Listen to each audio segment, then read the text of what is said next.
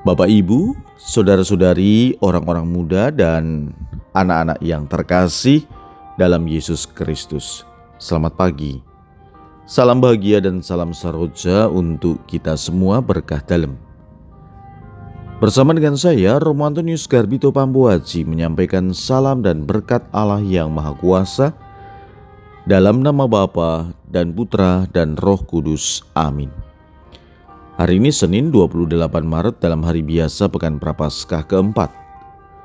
Bacaan pertama dalam liturgi hari ini diambil dari kitab Yesaya bab 65 ayat 17 sampai dengan 21.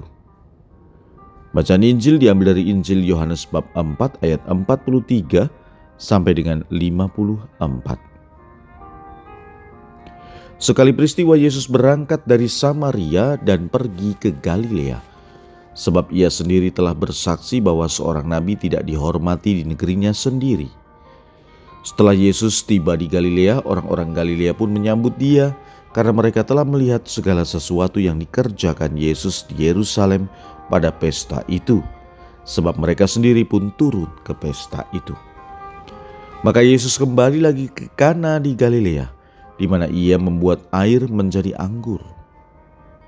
Dan di Kapernaum ada seorang pegawai istana yang anaknya sedang sakit.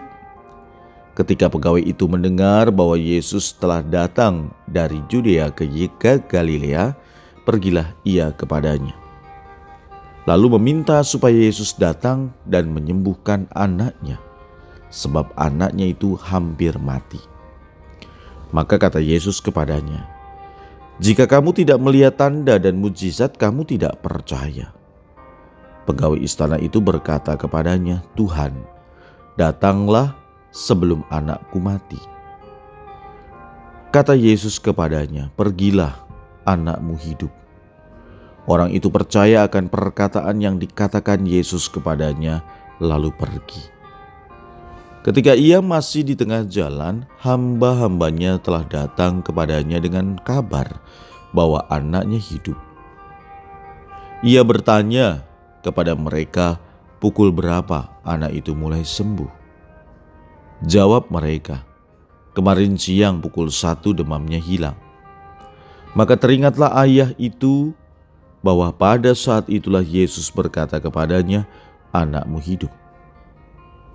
Lalu ia pun percaya, ia dan seluruh keluarganya. Dan itulah tanda kedua yang dibuat Yesus ketika ia pulang dari Judea ke Galilea. Demikianlah sabda Tuhan. Terpujilah Kristus. Bapak, ibu, saudara-saudari yang terkasih dalam Yesus Kristus, yang menjadi poin penting bagi kita dalam masa Prapaskah, hendaknya kita menjalani masa ini dengan penuh sukacita dan kegembiraan bukan menjadi beban.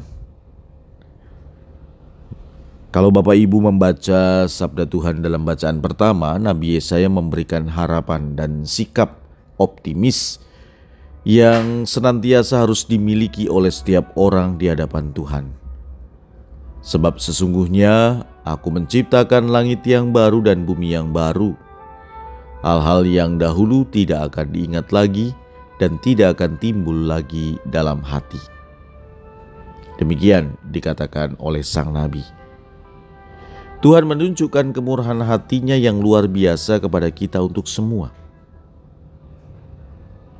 Ia berkehendak untuk menciptakan langit dan bumi yang baru. Ini berarti akan ada generasi baru yang hidupnya hanya berkenan kepada Tuhan. Generasi lama akan berlalu, generasi baru akan muncul. Generasi baru hidupnya akan mengikuti kehendak Tuhan. Tuhan berjanji untuk melupakan dosa dan salah yang telah dilakukan manusia. Artinya, Allah tidak akan menghitung dosa dan kesalahan manusia.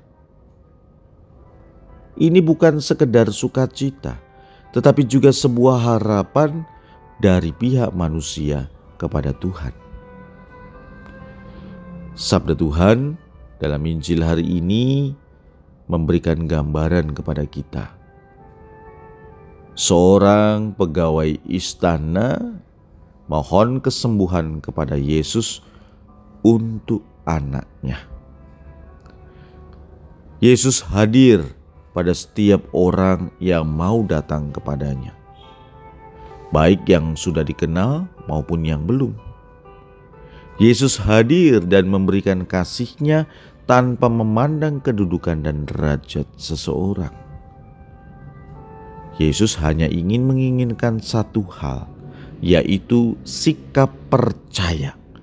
Dan inilah yang akan membuat kita senantiasa bersuka cita dan bergembira, serta tak perlu lagi merasa hidup kita menjadi beban.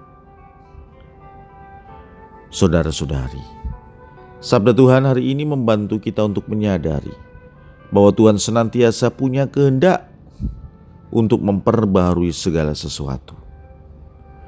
Tuhan juga menghadirkan kerajaan Allah di mana penderitaan dan kemalangan berubah menjadi sukacita dan kegembiraan. Unsur yang memperkuat hal itu adalah iman, harapan, dan kasih kita kepada sesama. Marilah kita berdoa. Ya Tuhan, semoga masa Prapaskah tidak menjadi beban bagi kami, tetapi semakin membuat kami bersuka cita dan berpengharapan. Berkat Allah yang Maha Kuasa, dalam nama Bapa dan Putra dan Roh Kudus. Amin.